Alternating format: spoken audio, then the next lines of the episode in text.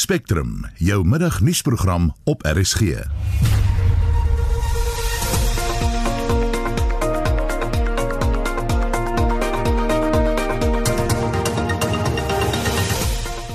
In die volgende ure FNB sê COVID-19 het reeds 'n impak op die eiendomsmark. Die datums vir die uitbetaling van maatskaplike toelaas het verander. Die burgemeester van die Machebeng munisipaliteit word geskort. Die enigste ordentlike ding vir speelman om te doen is om onmiddellik te bedank. En dokters van Limpopo word of wat hardhandig die regering in die kwarantyne geplaas is na hulle positief vir COVID-19 getoets het, praat oor hulle ervaring met ons. Goeiemiddag en welkom by Spectrum. Die span is redakteur John Estreisen, produksieregisseur Lewana Bekes en ek is Susan Paxton. Volg ons op Twitter by Mondspek1 en op facebook.com vorentoe skynstreep ZARSG. Pas 9 minute oor 1 jy luister na Spectrum en besoekregte en reëls vir kinders van geskeide ouers in die staat van inperking tydperk het pas weer verander. Ons praat met Shani van die Kerk, 'n senior regsgeleerder by Adams en Adams hieroor. Goeiemiddag Shani. Middag Susan, dit is lekker om hier by julle te wees. Sê gou vir my, hoe het die regulasies verander? Op 30 Maart is die eerste stel regulasies vrygestel wat die heen en weer kuier van kinders totaal en al verbied het. Skielik op 7 April is die regulasies so aangepas om te sê dat heen en weer kuier is nog steeds verbied behalwe as ouers of 'n hofbevel het, 'n ooreenkoms of 'n ouerskapsplan het wat reeds goedgekeur is deur die gesinsadvokaat. Wanneer die ouer dan reis met die kinders heen en weer, moet afskrifte van daai hofbevel of ooreenkoms by hulle wees. Nou sê vir my, hoe belangrik is die regulasies en besoekregte van die kinders in hierdie tydperk? Dit is 'n ongelooflike belangrike aspek. Die beste belang van 'n kind sal altyd die belangrikste faktor wees om in ag te neem. Ek dink wat wel problematies is, is dat hierdie nuwe regulasie 'n verdere caveat bygevoeg het. En dit is juis hierdie caveat wat 'n teelaarde vir dispute is. Die caveat bepaal dat indien daar enige redelike vermoede is dat die ontvangende huishouding 'n individu het wat blootgestel is aan die virus of moontlik die virus kan hê, moet kontak nie toegestaan word nie. Nou die woord redelik is die probleem. Vir my is 'n hele pizza redelik. Vir my man is twee pizzas redelik. Sjoe, ja, nee, dis 'n goeie vergelyking. Ehm uh, Shani, watse tipe dokumentasie? Jy praat van dokumentasie. Moet ouers by hulle hê en hoe maklik of moeilik is dit om te kry? Die dokumentasie wat jy benodig is 'n hofbevel wat reeds deur die hof goedgekeur is of 'n ouerskapsplan of 'n kontakregte ooreenkoms wat deur die partye onderteken is. Daardie dokumentasie is ongelukkig nie dokumentasie wat jy nou skielik kan bekom nie. Jy moes daardie dokumentasie gekry het deur die verloop van onderhandelinge. En dit is juist daar waar daar nou skielik 'n leemte is ouers wat nog in die onderhandelingsfase is, het nie 'n hofbevel nie en het nie enige ouerskapsplan nie. En daardie kinders, en onthou, dis die kind wat die reg het tot kontak. Daardie kinders word nou nie hierdie um, geleentheid gegee om wel kontak te kan uitoefen in hierdie tyd nie. Hmm. Is daar ander skuiwergate wat misbruik kan word uh, in hierdie nuwe regulasies? Ek dink die grootste skuiwergat is juis terug op die woord redelik, want 'n ouer moet nou bepaal wat is redelik, maar mense is ongelukkig subjektief. Ouers moet probeer om die beste belange van die kind eerste te stel en nie nou onverwerkte gevoelens teenoor 'n ex te gebruik nie. Die skuiwergat kan wees dat kom ons sê byvoorbeeld ma is nie nou lus dat haar kind gaan kuier by pa en pa se nuwe meisie nie en dus sê sy maar jy was dan by Checkers, jy is seker blootgestel aan die virus en so die kontak verbied. Hm. Ehm um, Shaun net laastens is daar 'n plek waar mense toegang kan verkry om te sien presies hoe die regulasies verander het en wat hulle nou nodig het en wat nie. Ons het 'n artikel geskryf juis oor wat die regulasies was op 30 Maart en wat die regulasies nou is op 7 April. Daardie artikel kan gelees word op die Adams and Adams webtuiste onder what to do during lockdown. Die regulasies word baie mooi daaruit verduidelik. Die publiek is ook welkom om vir my of my assosiaat Courtney Elson te kontak by Adams and Adams indien daar enige verdere vrae oor hierdie aspek is. Baie dankie, dit was Shani van die Kerk, 'n senior regsgeleerder by Adams en Adams. Die ANC in die Vrystaat het die burgemeester van die Machabeng munisipaliteit, Nkosindjani Speelman, geskort. Speelman het in 'n video op sosiale media na bewering op verkleinerende wyse na breinmense verwys. Winston Mofokeng doen verslag. Die voorval en opname het na bewering plaasgevind toe hy soldate van die weermag toegespreek het. In die video het Speelman na bewering die 44 soldate wat in Machabeng is, aangemoedig om hardhandig teenoor die breingemeenskap op te tree indien hulle nie die inperkingsmaatreëls nakom nie. Inwoners het intussen 'n klag by die Menseregte Kommissie ingedien. Hulle weet wanneer ons breinmense as dit gewoond word, dan ken hulle hier is breinmense, daar is kalles, maar as daar nie elections is nie, dan word ons name gegee. So speelman en sy trawante bronwil is moeg. Ons is nie boesman soos wat jy sê. As jy weet dat ons boesmans is, dan moet jy gaan, pappa. Jy gaan. Die enigste ding waar hy ons mense boesmans genoem het en dronkaard. Daai is onverskoonbaar. Yes. Yes. Die enigste ordentlike ding vir speelman om te doen is om onmiddellik te bedank. Speelman is die voorsitter van die ANC in die Lejoleputswa distrik.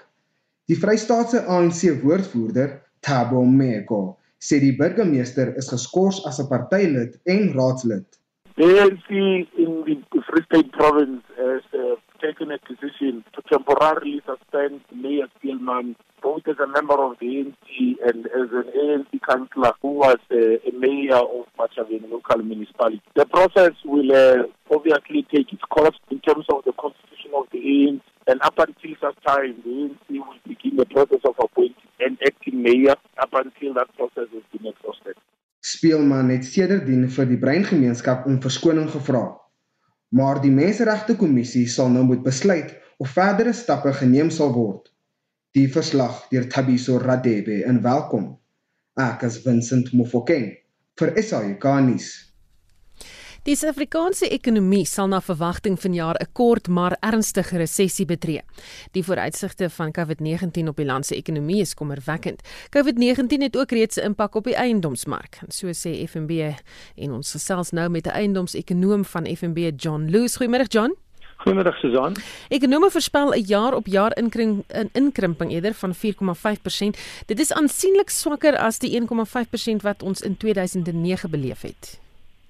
Ja, dis reg, uh, Susan. Ehm um, en ek dink dit is realisties om iets erger te verwag as as 2009, maar ek moet sê alles hang af van hoe vinnig ons 'n oplossing kry vir hierdie virus.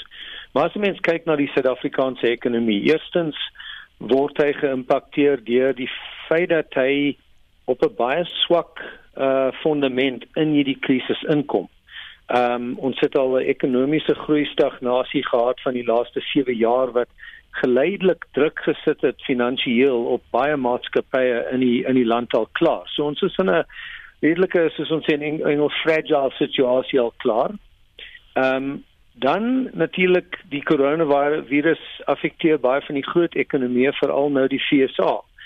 So daar word diep resessie voorspel in plekke soos die FSA wat beteken wêreldresessie wat ook impakteer op ons weer ons handel en dan boonbehalwe dit het ons ons eie uh ontwrigtinge hierso van dat ons baie van die ekonomie toemaak in in hierdie sogenaamde lockdown. So dis drie verskillende faktore wat 'n rol speel hierso en en dis ek dink dis realisties om iets te verwag wat heelwat erger is as 2009.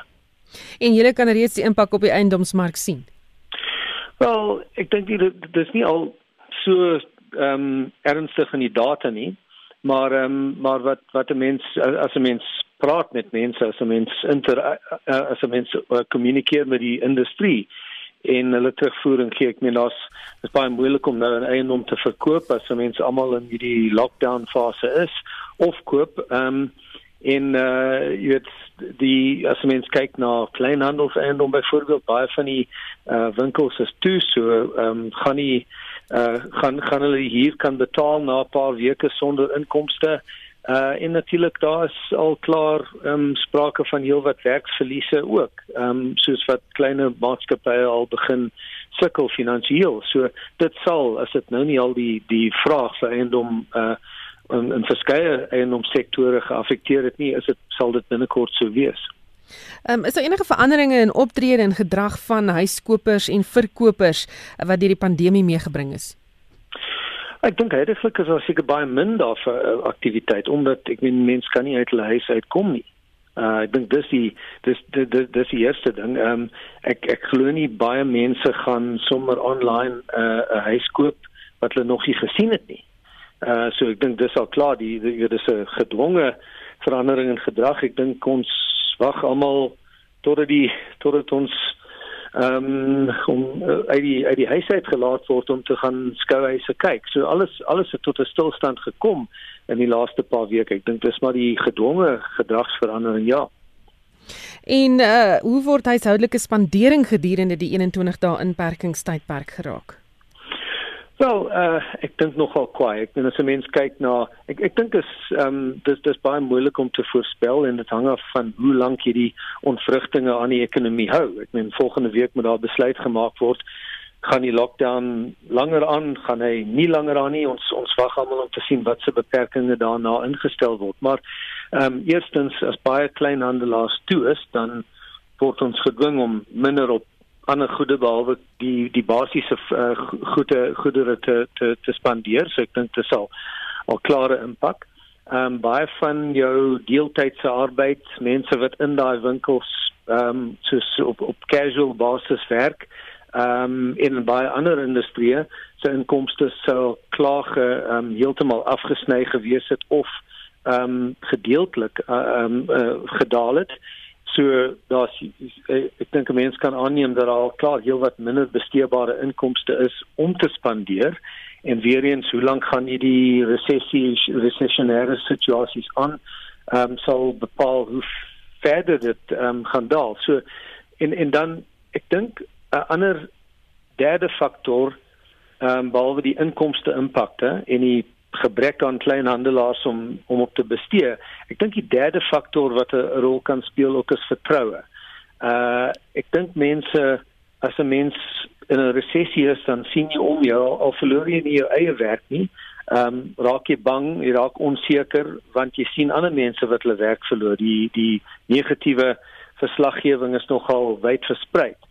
En ek dink as gevolg daarvan gaan mense vir 'n hele tydjie hierna redelik konservatief wees met hulle besteding. So hulle sal nie so die besparingskoers ek dink sal styg en mense sal heelwat minder van uh, persentasie van hulle inkomste vir nou eers bestee um, op op uh, kleinhandels um, goedere. So dit is nog 'n uitdaging vir die kleinhandelssektor.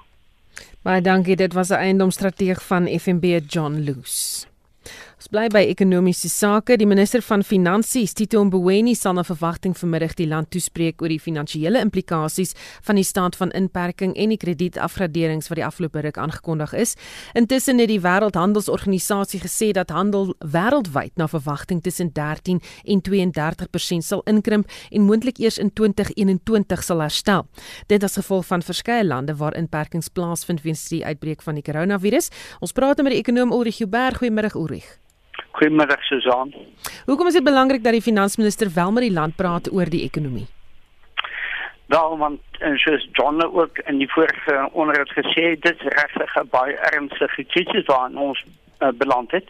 En erger as die krisis waarin die wêreldekonomie in Suid-Afrika in 2008 en 2009 uh, eh, binne die finansiële probleme in veral die FSA beland het. So hierdie is 'n baie ernstige situasie en ongelukkig is die Suid-Afrikaanse ekonomie nie op 'n baie goeie plek op die oomblik nie en soos John ook genoem het, hierdie uh, stagnasie wat ons eintlik in die Suid-Afrikaanse ekonomie gehad het vir die afgelope aantal jare het beslis 'n uh, basis geskep waar ons aansienlike probleme het wat nou dit baie moeilik maak om hierdie situasie waarin ons nou beland te hanteer. Wat sou jy graag by die minister wou hoor van? Maar ek dink daar is nou twee goed waarna mens moet kyk. Eerstens nou die staatsfinansies en nou is minister van finansies moet dit aanspreek en ek dink dat ons sit met 'n uh, situasie waar jy aanvaar dat staatsuitgawes gaan aansienlik toeneem omdat daar hulp gegee moet word vir individue uh mense wat hulle werk verloor het, uh, klein en medium sake ondernemings wat regtig in die moeilikheid beland het. So 'n mens aanvaar dat die uitgawes gaan toeneem. Welstandstoelaas, daar sou die bespiegeling dat kindertoelaas vir die volgende 6 maande moet gaan verdubbel uh in terselfdertyd gaan ons as gevolg van hierdie totale nou nie totaal nie, maar uh, baie ernstige toemaak van die ekonomie meebring dat die staatsinkomste gaan aansienlik krimp. So uh, hulle sit met met twee sek, uh, twee probleme daar van seker items wees in die staatsbegroting wat uh, groter aanspraak maak. Nou sal die sal die minister van finansies vir ons moet sê hoe gaan hulle byvoorbeeld staats uitgawes herprioritiseer en mense dink nou byvoorbeeld eerstens aan die groot gaping wat ons het in die finansiële situasie van ons staatsondernemings soos Eskom en SAL en ons het nou gehoor van SA Express. So uh aan daai kant dink ek dat wat staatsondernemings aanbetref uh die ernstige besluite dink moet nou geneem word en uh uiteindelik ek weet nie hoe ons die Suid-Afrikaanse lugdiens in die lug gaan hou nie en en sou aanvaar dat die minister van finansies dalk 'n aankondiging gaan maak van hoe gaan ons hierdie situasie rondom Israel hanteer, gaan ons dalk die lugdiens toemaak en dan daardie ruimte skep vir die ander lugredery om wel te oorleef nadat ons weer tot normaliteit terugkom. Hoe gaan ons die Eskom probleme aanspreek? Want ons kan nie Eskom toemaak nie, maar gaan ons 'n uh, groter uh, ja uh, toelaat dat ander ondernemings ook uh, kragvoorsiening daar stel. Hoe gaan ons korrupsie bes, bes, bes, ja besnoei en beperk binne in die openbare sektor ook in die private sektor? Hoe gaan ons vermorsing uh, beperk? Hoe gaan ons salarisse in die openbare sektor aanspreek? En ek dink op hierdie stadium is dit so ernstig dat die staat eintlik nie 'n ander keuse het nie, maar dat hy hier ernstige besluite moet neem.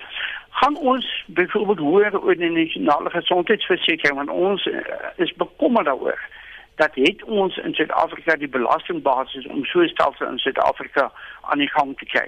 Uh gaan daar dalk iets kom. Uh, nou goed, gaan nie iets sê oor welstandstoelaas. Nou terselfdertyd dink ek moet hy ook dan iets sê gaan ons die arbeidsbedeling aanspreek sodat ons makliker mense in diens neem ehm um, gaan dan groter plooibare daar kom gaan die staat inmeng in die werking van die ekonomie dalk 'n bietjie verminder dat dit nie so baie reëls en regulasies het en ehm um, ja faktore wat ook die internasionale belegger uh, beperk of onseker maak om in Suid-Afrika te kom besigheid doen. So hopelik sien ons daar seker goed dat ons nou bietjie minder voorskrifklik uh, gaan wees van die staat se kant om uh, en mense dink maar hier dan uh, swart bemagtiging en regstellende aksie al hierdie faktore wat dit eintlik 'n demper plaas op die werking van die ekonomie gaan ons dalk nou uh, seker aankondigings kry van die minister van finansies wat vir ons sê ons gaan die ekonomie bietjie oopmaak, meer plooibaar maak om ook in hierdie moeilike omstandighede aan te pas. Baie dankie, dit was die ekonom Ulrich Huber. Die DEA versoek die departement van landbou om sy COVID-19 rampfonds se riglyne aan te pas. Die politieke party wil hê boere met 'n omset van tot 100 miljoen rand per jaar moet by die regering se rampfonds ingesluit word en nie net boere met 'n omset van 1 miljoen rand per jaar nie. Ons praat nou met die DEA se skare minister vir landbou Anet Stein. Goeiemôre Anet. Goeiemôre Susan en goeiemôre aan die luisteraars. Hoekom vra julle dat die regering se rampfonds vir boere aangepas moet word? Susan, ek dink ons het nou net na oor geluister om te luister na die ekonomie ekonomiese toestand heidaglik in die land. Ek dink daar ehm um, hier 'n wanvoorstelling of 'n wanvatting van die regering se kant af ehm um, met dat hulle sê boere kan nog soos normaal voortgaan en dat boere dan nie geraak word deur die huidige ekonomie ekonomiese eh uh, saak in die land nie. En ons het uh, gaan kyk na daai voorstel van die departement van landbou waar hulle werklik waar net kyk na baie klein skaalse boere en kommunale boere wat basies maar vir 'n uh, huishoudelike gebruik produseer en net vir hulle hulp gegee het. Ons het reeds um, deur 'n hele klomp mense gekontak, uh is deur 'n klomp mense gekontak wat vir ons gesê het dat hulle kan byvoorbeeld glad nie aangaan nie al het hulle miskien 5 of 3 of 6 werkers want die koste implikasies is van dit te hoog. Die vervoer van werkers uh, is baie duurder op hierdie stadium om aan al die nodige maatreëls te voldoen. Koste om 'n uh, voertuig skoon te maak en al daai is uh, heelwat meer. En soos ons ook weet, Susan, baie van ons boere kom deur 'n baie baie swaar droogte en daar is nog groot gedeeltes van die Noord-Kaap, die Wes-Kaap en Oos-Kaap wat nog in 'n droogte is. So boere kan net nie voortgaan om te produseer nie. Julle stel ook voor dat die rampfonds deur 'n sentrale bank bestuur word. Hoekom? Daar ons het in die verlede gesien met rampdroogtefondse en ander hulp dat ehm um, die meeste van die geld eintlik in die middelman se sak beland. Dat daar regtig waar eintlik maar baie min van die hulp ehm um, op grondvlak beland. So ons stel voor dat daai geld deur 'n fonds bestuur word en nie deur die departementele kanale nie. Het desperate boere julle al genader? Jy het nou genoem dat mense julle al gekontak het, boere wat raap en skraap om in hierdie tyd na die gesondheid van hulle werkers om te sien? Ja, daar is regtig waar nogal groot probleme. In die eerste plek ehm um, sukkel die meeste mense om die nodige ehm um, handreinigers en maskers en vervoermateriaal vir al vir boere wat groot getalle werkers het uh, wat daagliks vervoer moet word sukkel sukkel hiermee en daar um, is nie regtig waar hulp nie mense moet maar op hulle eie manier sien kom klaar en 'n plan maak. Baie dankie dit was die DEA se skadu minister vir landbou Anet Stein. Begunstigdes van maatskaplike toelaas sal vanaf volgende maand hulle toelaas op verskillende datums ontvang. Die agentskap vir maatskaplike sekuriteit sê April se toelaas vir bejaardes is na 30 Maart verskuif weens die inperkingstyd, maar kindertoelaag begunstigdes kon nie wag nie en het op betaalpunte toegesak. SASSA het toe besluit om die betalingsdatums te hersien. Winsin Mofokeng doen verslag. Vanaf Mei maand sal maatskaplike toelaas vir bejaardes en persone met gestremthede op die 4de van elke maand betaal word. Alle ander toelaas word vanaf die 6ste van elke maand uitbetaal. Na gesprekke met verskeie rolspelers oor die uitbetaling wat aan die einde van die maand gebeur, is daar besluit om die datums te verander. Dit is gedoen om mense met gestremthede en bejaardes te beskerm. Aldus SASSA se woordvoerder, Paseka Letsatsi. Lesson learned from the last payment cycle during the national lockdown have compelled SASSA to review the payment dates going forward. We can confirm that as from the month of May 2020, disability grant and older persons grant will be paid on the 4th and the 5th respectively. And all other grants will be paid from the 6th of every month. The grant payments to April was brought forward to the 30th March and first two days were dedicated to the people with disabilities and older persons to ensure compliance with the state of disaster requirements. Letsatsi sê ook dat hulle voorsorgmaatreëls getref het om begunstigdes se veiligheid te verseker. It is the responsibility of management of SASSA to make sure that its members are protected. It is also the responsibility of the management to make sure that uh, beneficiaries of social grants are protected. Hence, the protective kits have been dispatched to all our offices to make sure that those would be interacting with beneficiaries know very well which protocols are followed, especially when they are there during the paydays. Dit was Paseka Letsatsi, SASSA se woordvoerder. Ek is Vincent Mofokeng vir SA Garnis. Jy luister na Spectrum elke weekmiddag tussen 1 en 2. In die program twee dokters van Limpopo wat hardhandig deur die regering in kwarantyne geplaas is na hulle positief vir COVID-19 getoets het, deel hul ervaring. So at the moment we're just trying to process everything. It was a very traumatic experience in the way that it was handled because the police outside were extremely aggressive with us even though we were cooperating. 'n Tweejarige seentjie herstel nadat hy twee keer deur 'n pofadder gepik is. Op sosiale media is die gewilde besprekingspunte die inperkingstydperk en Paasfees bly ingeskakel. By kans 1334 hier Shaun Jooste met die sportnuus. In cricketnuus, die Protea afrigter Mark Boucher sê cricket Suid-Afrika gaan fiksheidsklausules by spelers se kontrakte in die toekoms voeg. Boucher sê ook professionele spelers moet aan fiksheidsstandaarde voldoen om vir die nasionale span gekies te word. Dit kom nadat vier spelers 'n fiksheidskamp in Januarie moes bywoon.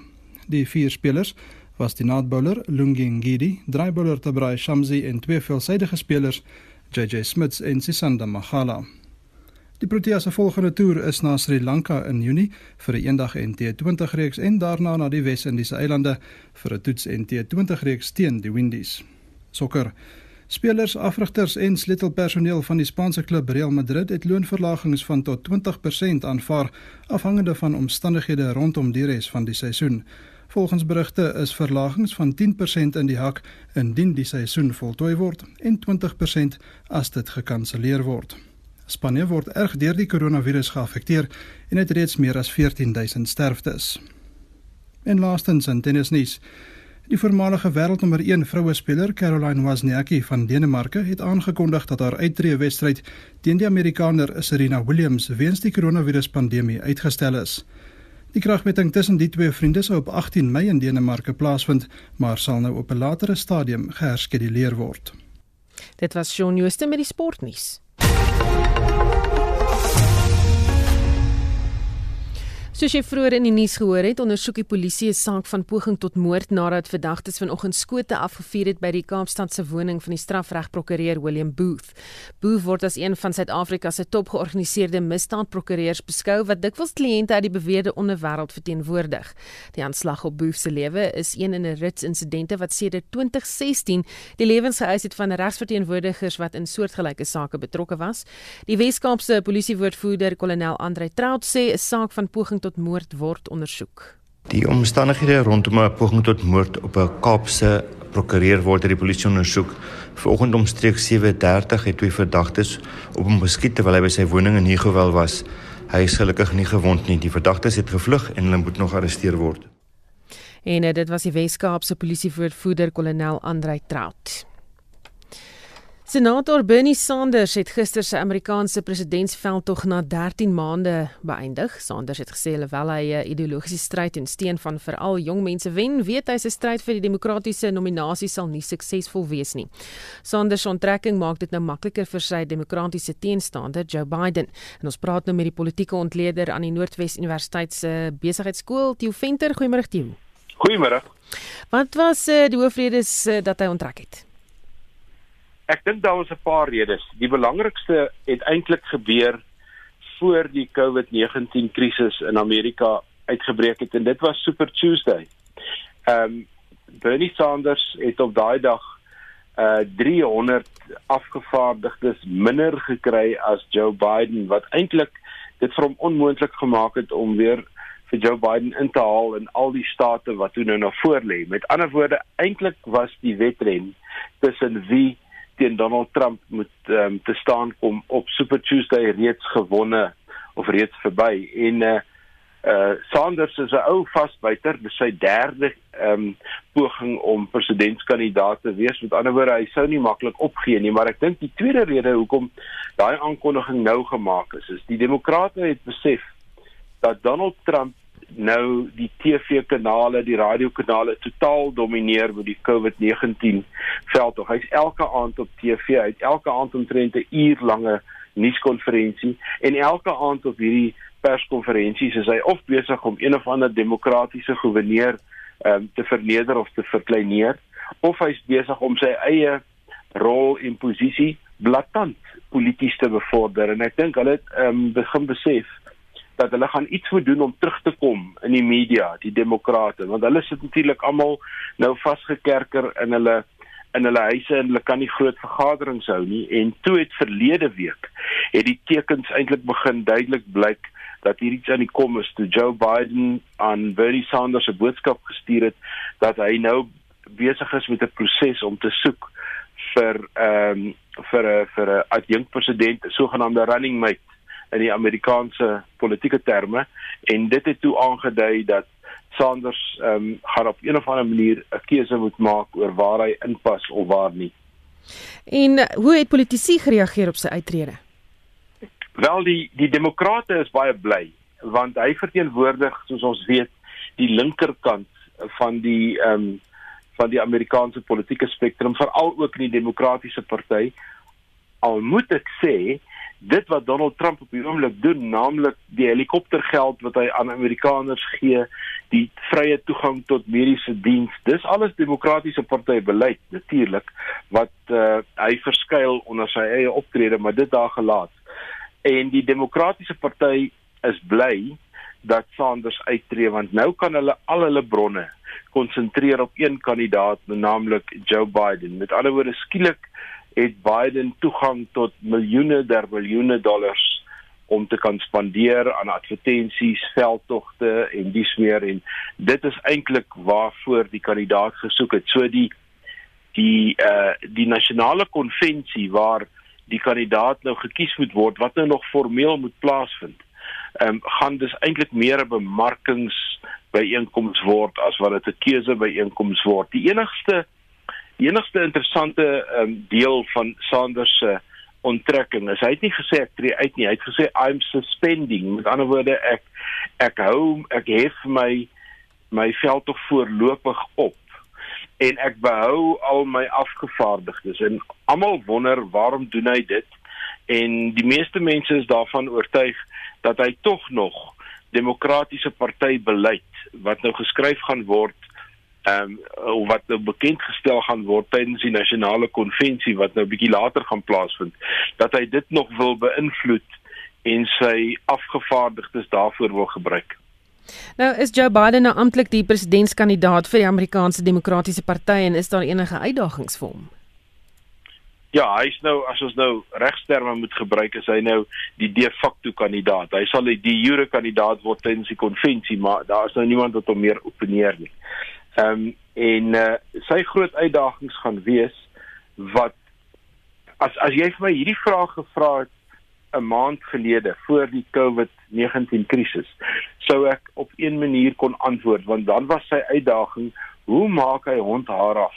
met die Amerikaanse ekonomie wat amper onvegbaar groei en tot voordeel van Donald Trump is. Maar alles het verander in die laaste maand. Nou is die groot uitdaging, um, dis 'n nuwe spel. Het Trump die krisis op die beste manier hanteer? Hoe gaan die Amerikaners uit 'n waarskynlike resessie kom wat hulle op die oomblik beleef in in die FSA en hoe gaan hulle maak met toekomstige pandemies van hierdie aard. So die hele speelveld het eintlik verander in die laaste maand en en dit gaan natuurlik uitspeel in die Amerikaanse verkiesingsveld tog en ek dink die die skrywers van die twee partye se beleide is tans ernstig besig om terug te keer na die tekenbord toe om hierop te kan reageer. Soos ek sê 'n maand gelede was dit voor die hand liggend. Donald Trump sou die verkiesing wen want hy het al die voordele van die ekonomie. Hy het al die voordele van hoe hy met die media speel, maar dit het verander. Hoe vorder die Republikeine se proses?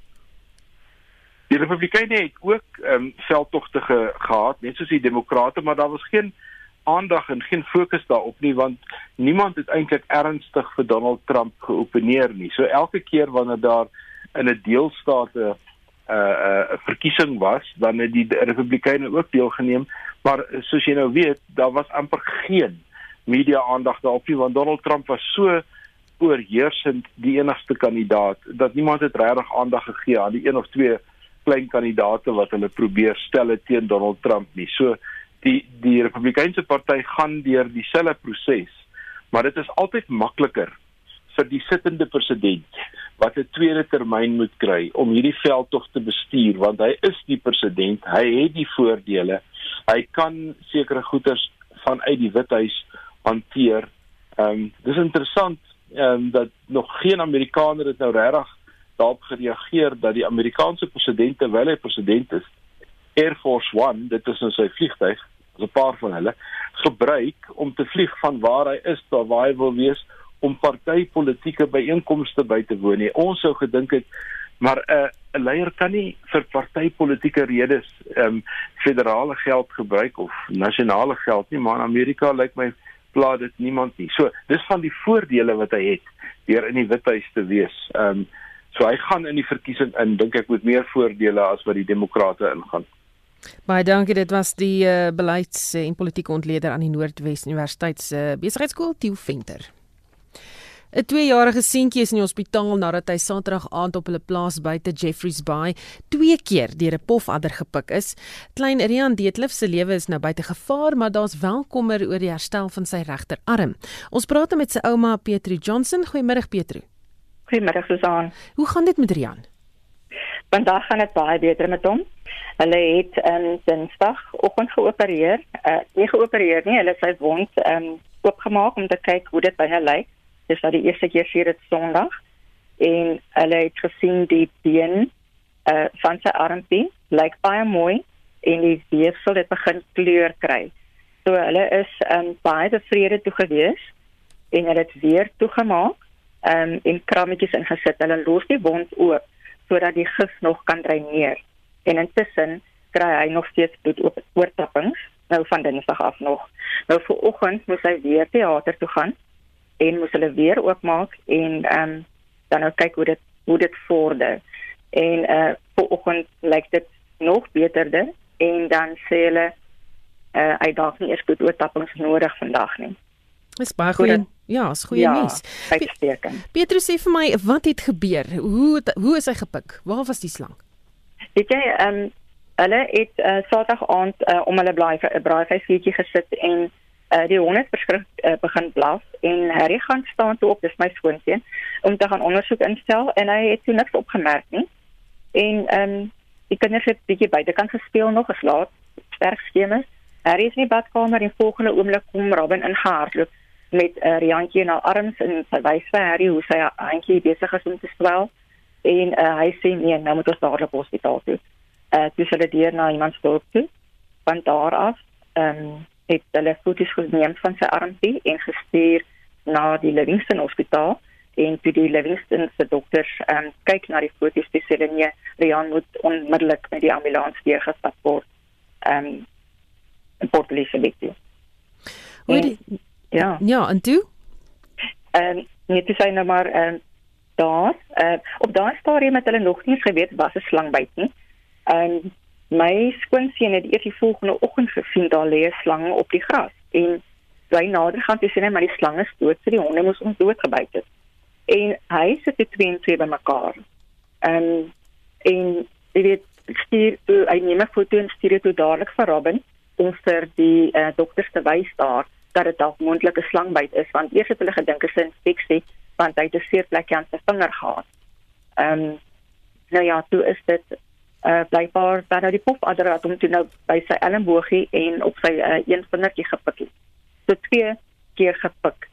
En dan um, toe die dokters nou hoor van die pofadder uh dat dit wel 'n pofadder was, toe is daar 'n um, op die personele vroutjie wat um kennis het van slangbyte en hulle het um hom dadelik 3 uh, een oesemiese toedienings van die teengif gegee. Uh en dis 'n toediening vir 'n groot volwasse man ehm um, het hulle vir daai klein seentjie gegee.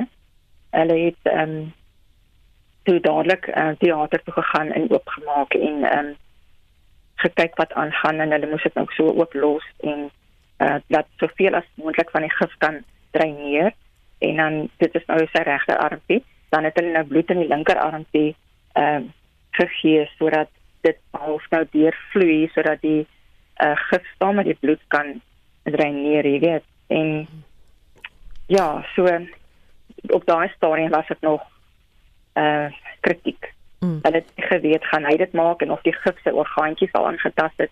Ehm um, sy armpie was pers tot bo by sy of swart tot bo by sy um, skouertjie af in daai tyd. En hulle het nie gedink hy gaan dit deur daai nag maak nie. Pieter, uh, kon jy al ja. met hom praat? Was jy al by hom gewees? Nee, ons kon nie, ons kan glad nie by hulle uitkom nie dit is vir ons verskriklik sleg want uh, dis mos nou lockdown jy kan nie daar mm. kom nie haar arme man moes um, agter die ambulans aanry met uh, hulle ander dogtertjie Shania en uh, by die padblokkade net buitekant Port Elizabeth wou hulle hom glad nie deurlaat nie en hy ry agter die ambulans aan en um, nee sê hulle jy het nie permit nie jy mag nie deurgaan nie en toe toe sê die ambulans van Ferry maar luister ons moet dadelik ry um, ons kan nie ons kan nie wag nie. So moet hy dit nou omdraai. Daai man het as hysteries sê hy. Ehm um, hy moet nou terugdraai sy kind se lewe hang aan 'n draadjie. En ehm um, ja, hy moet terug gaan huis toe. En dan die volgende oggend ehm um, Met ons is onder die indruk hierdie kant dat hulle saam by die hospitaal is. Die volgende oggend probeer hy ons bel en hy sê vra hy toe of hy vir Shania na ons kan bring want hy moet nou ehm um, die stasie toe gaan en gaan vra vir 'n permit om weer te gaan hospitaal toe. Ehm um, en hulle kon toe nou nie vir hom 'n permit gee nie, maar hulle gee toe vir my affidavit wat hy toe nou waarmee hy kon deurgaan deur die padblokkade en ehm um, daardie selle aan toe gee die dokters van die Livingston vir hom 'n uh, waakeenheid 'n uh, ICU permit wat hom dan toestemming gee om te kan besoek. Hmm. En ehm um, ja, so dit was vir ons erg ook om te besef dat my dogter heeltemal alleen uh deur hierdie krisis uh moet gaan. Jy weet haar man is nie eens by haar nie. Uh ons kan dan nie daar wees om haar te ondersteun nie, maar ons kon daarom na Shania kyk wat 'n troos was vir ons en vir hulle. En uh dan nou die die ander ding ook was ehm um, jy weet um, gisterand weer dink ek het hy gesukkel om toestemming te kry om in te gaan by die hospitaal. Ehm um, hulle wou nie by die hekies inlaat nie en sy laat ook nie by die hospitaal nie, want die kinderarts moes dan weer vir met kom gee om net in die hospitaal te kon ingaan. En uh, so dit dit dit is nog 'n probleem. En nou weet ons nou nie hoe lank hy nou nog kan ehm um, gaan besoek nie. Jy weet want dit word ook eintlik toegelaat nie. Hy is buite gevaar op hierdie stadium. Hmm. Dit lyk ook daarom of dit alles uh, goed gaan met die kleintjie. En ehm um, toe moes ons nou ook gister uh toe Harry nou moes weer gaan hospitaal toe het hy nou weer Shania na ons toe gebring. En ehm um, toe is daar nou opstandige buurman wat nou kapsie maak en uh, toe moes my man maar ons uh, na die uh, postpolisiestasie toe gaan en ehm um, gaan die situasie verduidelik en vra jy weet wat maak 'n mens nou? Dit is 'n noodgeval. Ons is die enigste familie wat sy het hier En en um, nou ja, jy sê die polisie nee, maar dit is 'n noodgeval. Jy weet, die buurman het absoluut niks te sê oor die situasie nie. So ja, alles weg nou so goed en mee.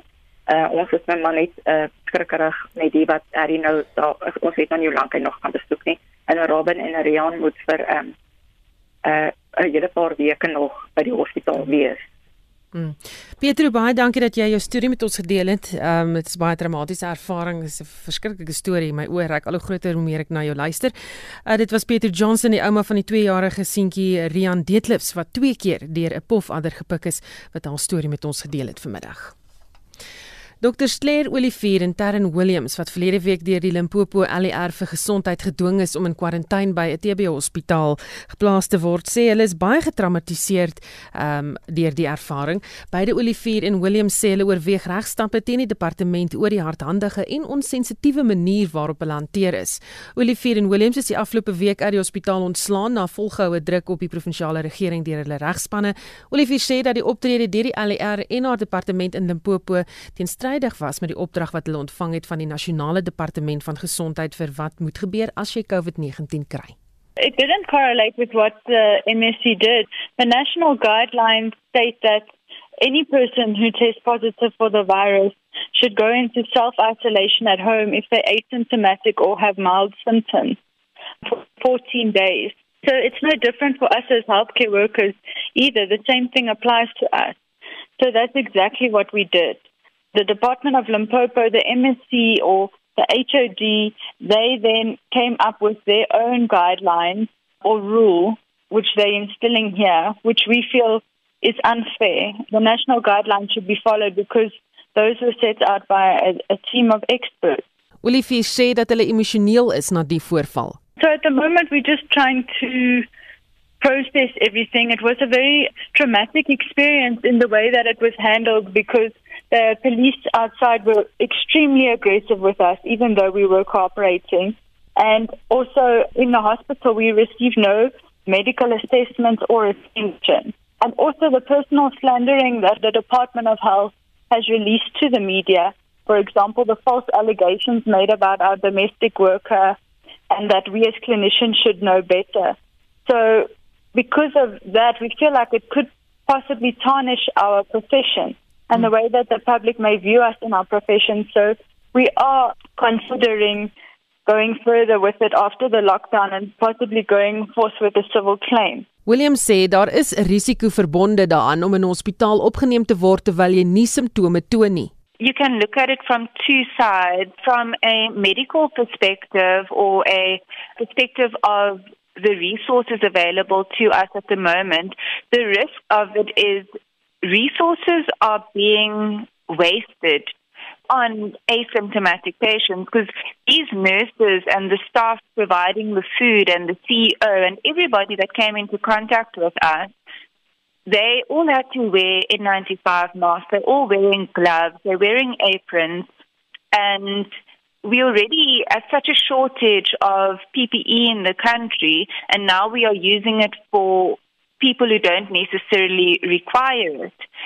So that's the one point. The next point is is that when Dr. Olivier and myself were at home, we were only in contact with each other and we were both positive. There was no other people coming to our house. We had sufficient food here to make our own meals at night. There was no one else in contact with us. And by putting us in this hospital, I mean, we were coming into contact with multiple people per day. And when I say coming into contact, I just mean people coming to our window and either passing us food or asking, Are you okay? But I mean, it's still communication, it's still passing of food and plates and etc. And I mean, so all of these people are also at risk of contracting this virus, people who are being put at risk unnecessarily. Then another point is just the way the hospital is structured. I mean, it's the infrastructure is not a bad one, but to get any sort of medical assistance there is quite difficult because the nursing station is quite far from our rooms. And the buttons to call the nurse in the rooms, they don't work. So if at night you need any sort of assistance, you are unable to quickly get anyone's attention. So that is another concern about the environment that we were in. Olivier sê die departement gaan moet self-introspeksie doen oor hoe hulle pasiënte behandel in die toekoms. Well, we just feel like any person diagnosed with any disease, whether it be COVID 19 or another comorbidity, we feel like we should treat patients and healthcare workers are no different with compassion and respect. And we believe that even as healthcare workers with a background of medical knowledge, this was a traumatic experience for us. So we can't imagine how the general public would feel if they were put in that situation and they don't have a medical background because you feel very alone in their solitary confinement and the monitoring is not up to standard. So they would have to improve that before they install these regulations. Beide Williams en Olivier sê hulle het intussen negatief getoets vir COVID-19 en sal terugkeer werk toe ten spyte van wat gebeur het. Yes, we are both on call this weekend, so we will be at work this weekend. It's not the people's fault. Um, we do not at all blame the people. We do not at all blame the community. We were just very disappointed by the lack of support and the lack of communication by the Department of Health of Limpopo um, and the manner in which we were treated by the Department of Health specifically. So we do not hold any grudges towards the community or the people that we are helping. Because I mean, this is our profession and this is what we love and what we've chosen to do, and we are very happy to go back to do that. En dit was die stemme van Dr Claire Olivier en Terren Williams. Luisteraars kan ook na onderhoud wat die SAK nuus aktualiteitsprogram Fokus met die dokters gedoen het. Dit is beskikbaar op facebook.com skynstreep fokus SABC. Dis facebook.com skynstreep fokus SABC. Die Kouga munisipaliteit in die Oos-Kaap het as deel van sy COVID-19 bestrydingsplan 400 watertanks opgerig. Dit sluit Hankie, Potensie, Jeffreys Bay en alle informele nedersettings in. Inwoners staan gewoonlik in lang toue by gemeenskaplike krane en dit kan die oordrag van die virus vererger. Veronica Fourie doen verslag. In plaas van net 'n gemeenskaplike kraan, is daar nou watertanks strategies in die informele vesting van onder meer Ocean View by Jeffreys Bay geplaas. Dit is hopelik 'n volhoubare oplossing vir die situasie. Dit maak die lewe baie makliker vir inwoners. Colisa Williams is 'n ma wat moet sorg dat haar kinders veilig is. Ons is baie bly want ons het baie kinders wat hier so bly en ons het die toilets, ons het die water, sie so by die plek ons baie dankie vir die mense wat ons water en toilets gebring het. Samuel Matolwenge staan in sy werf reg met sy waterhouer om sommer net oor die pad te stap om water te gaan haal. Ons sê baie dankie because ons soek die water vir ons ons moet maak ons hande skoon al die tyd. So it can help ons by die corona goede and make us safe.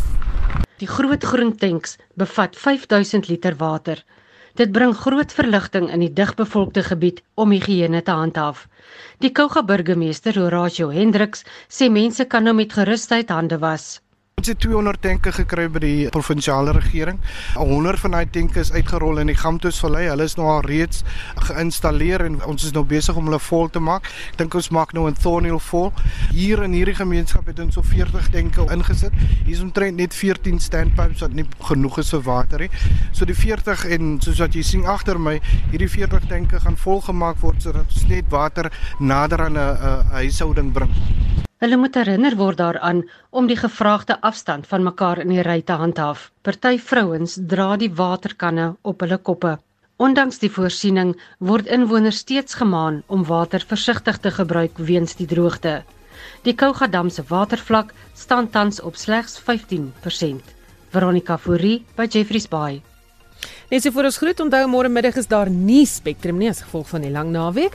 En daarmee groet die Spectrum span. Ons groet namens ons waarnemende uitvoerende regisseur Wessel Pretorius, die redakteur John Esterhuizen en produksieregisseur Lewana Bekes. My naam is Susan Paxton.